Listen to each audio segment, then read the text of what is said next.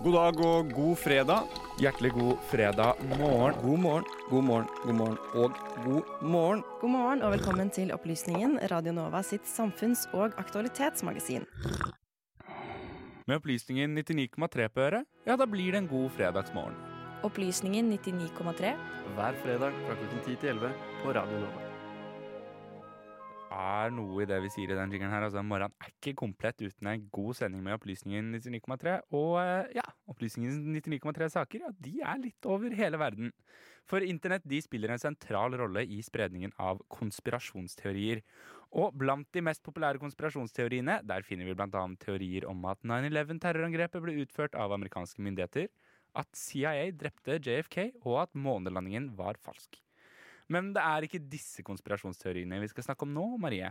Nei, det skal vi ikke. Vi skal til konspirasjonsteorien QAnon. Og den hevder at Donald Trump kjemper en kamp mot en politisk elite som bl.a. benytter seg av media for å spre feilinformasjon.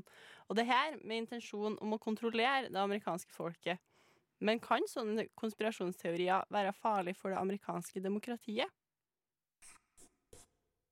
Den 4. desember 2016 entrer 28 år gamle Edgar Madison Welsh pizzasjappa Comet Ping Pong i Washington DC. Med et automatgevær i hendene fyrer han av tre skudd inni sjappa og treffer bl.a. desken. I januar 2017 dømmes Welch til fire år i fengsel. Du tenker kanskje hvorfor tar jeg opp dette nå?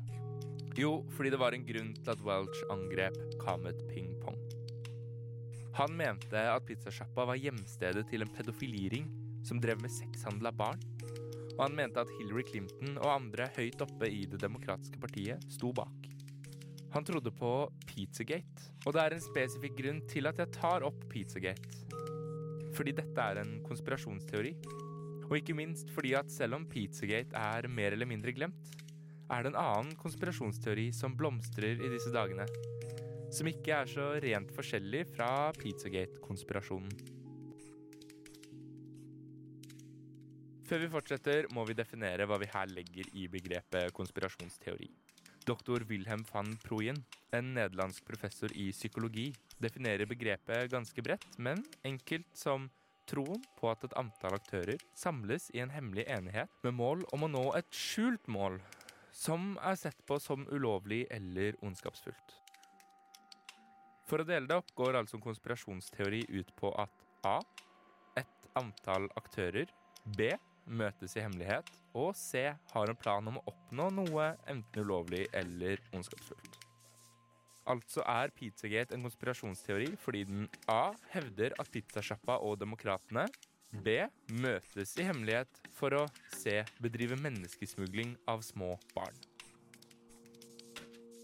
Men tilbake til Pizzagate. For selv om historien om Pizzagate stopper et sted mellom 2017 og 2018, er det som nevnt enkelte elementer som blir over i den La oss kalle den nye konspirasjonsteorien QAnon. Det å skulle forklare QAnon er ingen enkel oppgave. Konspirasjonsteorien er nemlig ganske komplisert. Men den går enkelt ut på at en gruppe mektige personer i det amerikanske statsapparatet og samfunnet, også kjent som deep state, jobber aktivt mot Donald Trump. Denne skjulte sammensvergelsen skal også forsøke å kontrollere og skade befolkningen gjennom falsk informasjon og statlige tiltak som begrenser folks frihet. Nettverket ledes, skal man tro konspirasjonsteorien, av en pervertert elite som knyttes til satanisme, pedofili, sexhandel med barn og kannibalisme. Ifølge QAnon er Donald Trump verdens redningsmann og vil avsløre konspirasjonen og sørge for en massearrestasjon av de såkalte deep state. Teorien innehar altså alle van Proins tegn på en konspirasjonsteori. Det er medlemmer som i all hemmelighet arbeider for å nå et ulovlig og ondskapsfullt mål. Men en teori som QAnon, som består av så mange ulike elementer, må jo komme fra et sted. Teorien kan spores tilbake til den mystiske Q, som ifølge seg selv har toppsikkerhetserklæring i det amerikanske militæret. I 2017 begynte Q å skrive kryptiske meldinger i en tråd på nettstedet 4chan han selv kalte 'Silent Before the Storm'. Q hevdet selv å sitte på klassifisert informasjon om Trump-administrasjonen og deres motstandere i USA. Grunnet måten 4chan er bygd opp på, er det ingen som riktig vet hvem Q er. Men de som tar del i deep state, er derimot ikke like vanskelige å identifisere. Ifølge Q er det en rekke liberale Hollywood-personligheter som Ellen DeGeneres, demokrater som Clinton, Obama og Biden, og andre personer med sentrale posisjoner i det amerikanske samfunnet som tar del i deep state. QAnon er lite. Undersøkelser viser at bare 50% av amerikanerne i det hele tatt har hørt om konspirasjonsteorien, og et flertall av disse hevder at den er farlig for USA. Men konspirasjonsteorien har fått voldsom vekst under koronapandemien, og har utvidet seg til å bl.a. innebære at 5G sprer koronaviruset, at Bill Gates vil bruke vaksiner for å kontrollere verden, og at Angela Merkel er Hitlers barnebarn. Og akkurat sistnevnte er ganske interessant, fordi det er to land der QAnon har slått kraftig rot. USA og Tyskland. I Tyskland hevder de bl.a. at det nåværende landet kun er skapt av de allierte etter andre verdenskrig, og de håper at Trump vil komme og gjenskape det tredje riket. Jeg tror det er på tide med en pause. Fordi jeg har på følelsen at det ikke bare er meg som blir litt uvel når jeg hører om denne konspirasjonsteorien. Og det viktigste spørsmålet her er jo om QAnon er farlig. Vi deler det opp i to aspekter.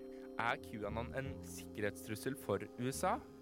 Og er QAnon farlig for det amerikanske demokratiske systemet? Vi begynner med den første.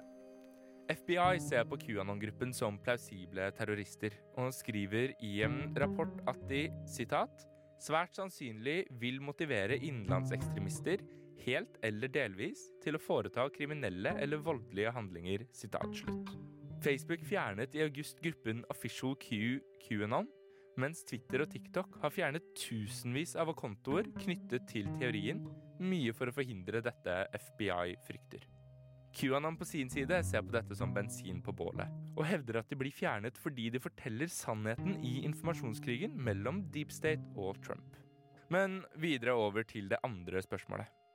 Er QAnon farlig for demokratiet? Vi går tilbake til doktor van Proin. Han peker på at Donald Trump benyttet seg av konspirasjonsteorier under valget i 2017. Han skriver i boka The Psychology of Conspiracy Theories at konspirasjonsteorier om klimaendringer, vaksinasjoner og at Barack Obama egentlig er født i Kenya, hjalp Trump med å kapre seieren i 2016.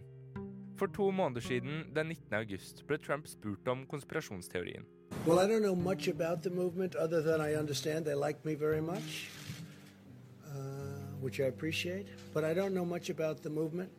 Og da han senere ble spurt om han kunne støtte en konspirasjonsteori som påstår at han i hemmelighet forsvarer verden fra en satanistisk kult bestående av pedofile og kannibaler, valgte Trump ikke å ta avstand fra teorien, men svarte heller Well, I haven't, I haven't heard that, but uh, is that supposed to be a bad thing or a good thing? I mean, you know, if uh, if I can help save the world from problems, I'm willing to do it. I'm willing to put myself out there, and we are actually. We're saving the world from a radical left philosophy that will destroy this country, and when this country is gone, the rest of the world would follow. Joe Biden anklager Donald Trump for å benytte seg av QAnon for å vinne valget. Og skal vi tro van Proyen, kan det være en gjentakelse av strategien han benyttet seg av i 2016 ved å utnytte konspirasjonsteorier. Men om QAnon vil sikre Donald Trump seieren i det amerikanske valget, det vet vi først i november, om vi noen gang får vite det. Ja, og reporter i saken, det var eh, meg sjæl, Sander Zakaria. Lyden den er hentet fra Det hvite hus. Vi skal straks videre til Facebook, som tar kraftig grep mot spredningen av slike konspirasjonsteorier. Men før det så skal du få litt japansk musikk her på Radio Nova. Clang Ruler med Icon.